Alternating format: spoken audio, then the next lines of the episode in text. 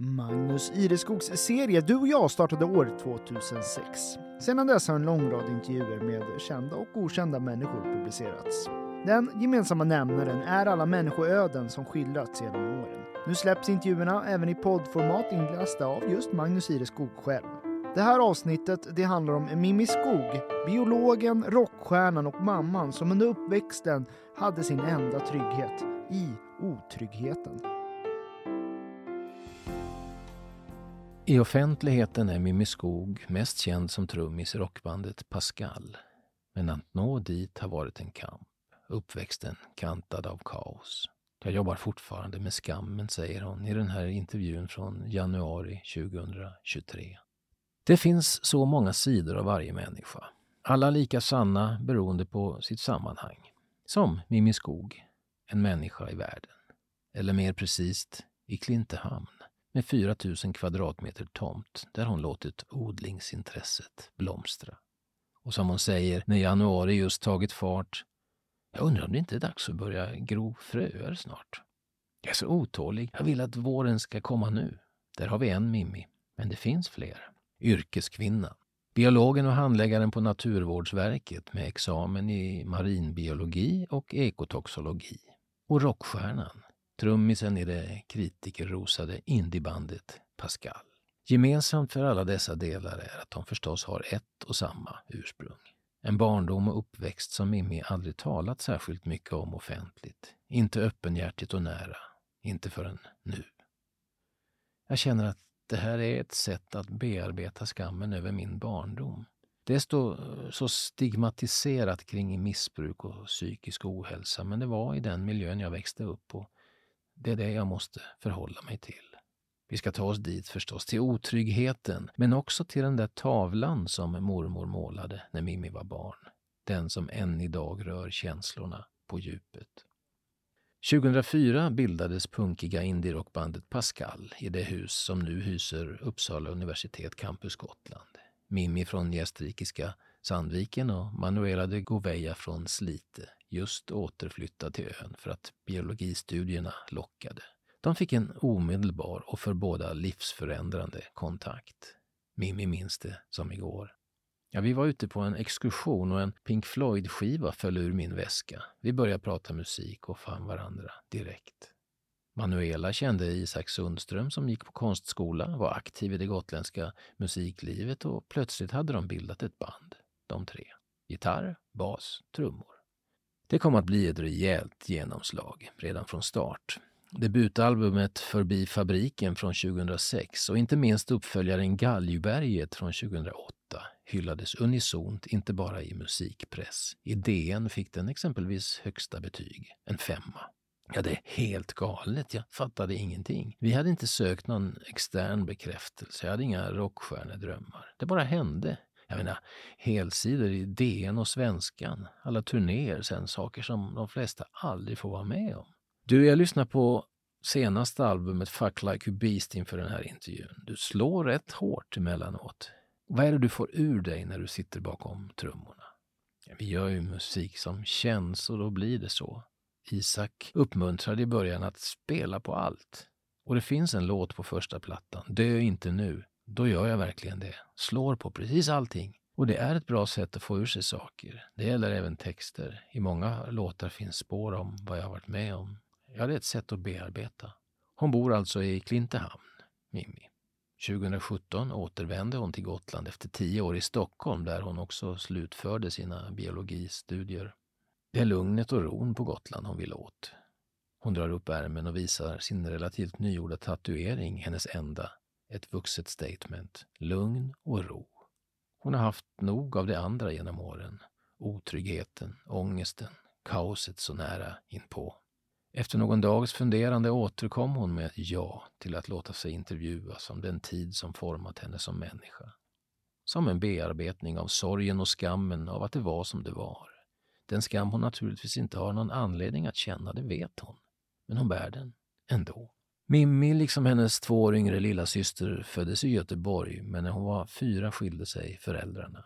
Hon berättar, där vi sitter bland böckerna i Almedalsbiblioteket, om en rotlös och ångestdriven mor oförmögen att sätta andra människors behov först. Åtminstone så hon upplevde och upplever det. Vid separationen tog mamma sina döttrar och drog. Till Gästrikland, där hon hade sitt ursprung. Pappan blev kvar, orkeslös. Han fanns sen bara i periferin. Man kan säga att han övergav oss, säger Mimmi, men så enkelt är det nog inte. Jag tänker att han hade en... Eh, han, han orkade helt enkelt inte kämpa. Pappan hade sina egna problem och kom att döva hålet efter skilsmässan med än mer alkohol. Han löste de flesta problemen på det sättet, säger Mimmi. Mer alkohol och kvinnor som kom och gick. Under många år hade hon ingen kontakt med sin far. Dock närmade de sig varandra innan han för drygt tre år sedan gick bort i cancer. Hon tänker att det var viktigt för dem båda. Ja, han fick väl ett ja, uppvaknande. Under så många år var han inte närvarande. Men jag fick där på slutet ändå en förståelse för vad som hänt och kunde se det lite grann för, från hans håll. Pappan var ett stort Elvis Presley-fan och kvällen före hans bortgång tillägnade Pascal honom låten Min enda vän är Elvis vid en spelning i Stockholm. Jag hoppades att han skulle klara den natten och det gjorde han. Jag tog ett flyg till Göteborg på morgonen och natten efter det dog han på sitt hospice. Jag tror han väntade på mig, säger Mimmi. Utan närvaro av sin far hamnade de båda småsystrarna i ett ångestridet hem på en mindre ort i Gästrikland. Mimmi upplever att mamman aldrig knöt an till sina barn eller hade förståelse för deras behov. Med tiden lämnades de vind för våg, ofta själva hemma, nyligen blivna tonåringar. Ibland flera dagar. På ett sätt känns det som att även jag övergav min syster, säger hon. Jag förde min egen kamp för att överleva. Jag har alltid haft dåligt samvete för det. Hon pratar med svag röst, Mimmi. Tystnar ofta under sin berättelse. Ögonen glänser ibland när känslorna når ytan. Hon skakar lätt på huvudet. Och sen lämnade hon bort oss. Det är helt obegripligt. För mig som har en fyraårig älskad dotter nu är det verkligen helt obegripligt. För så var det. Mimmi var 16 när hon hamnade hos fosterfamilj i Hudiksvall. Syster Josefin var 14 och togs hand om en annan familj. Då hade det redan börjat gå ut för. Systern skar sig i armarna, dövade sig med Alvedon, 10-12 om dagen. Det är smärtstillande även för själen, som hon uttryckte det. 14 år gammal försökte hon ta sitt liv. Att vara 16, i den ålder man börjar bli sig själv så att säga, och lämnas bort, Mimmi, vad, vad gjorde det med dig? Jag vet inte. På ett sätt var det också en lättnad att komma hemifrån till en plats där det var lite mer ordning. Men det är en sorg också förstås, att familjen inte gick att hålla ihop och att känna sig oönskad av sin egen mamma. Mimmi berättar om samhörigheten då syskonen var små och hur de gled isär. Ju äldre systern blev, desto mer eskalerade hennes missbruk. Även hon härjade av rotlöshet och svår ångest. När Josefin skulle fylla 30 var livet över.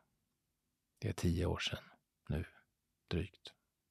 Det var mormor som ringde och berättade. Jag hörde direkt på rösten att det var något hemskt som hänt. Hon hittades i badkaret. Jag väljer att tro att det var en olyckshändelse. Än idag har Mimmi dåligt samvete för att hon inte kunde rädda sin syster. De var av samma blod. Hon hade velat göra det. Hon försökte. Men ibland pallade hon bara inte. Systern var inte mottaglig. Samtidigt fanns den där lilla systern kvar inom henne. Hon som ibland tittade fram. Ja, hon kunde ringa ibland och jag hörde att hon var så rädd, så rädd. Hon levde så utsatt. Men det gick aldrig riktigt att komma innanför hennes skal och så var det för sent.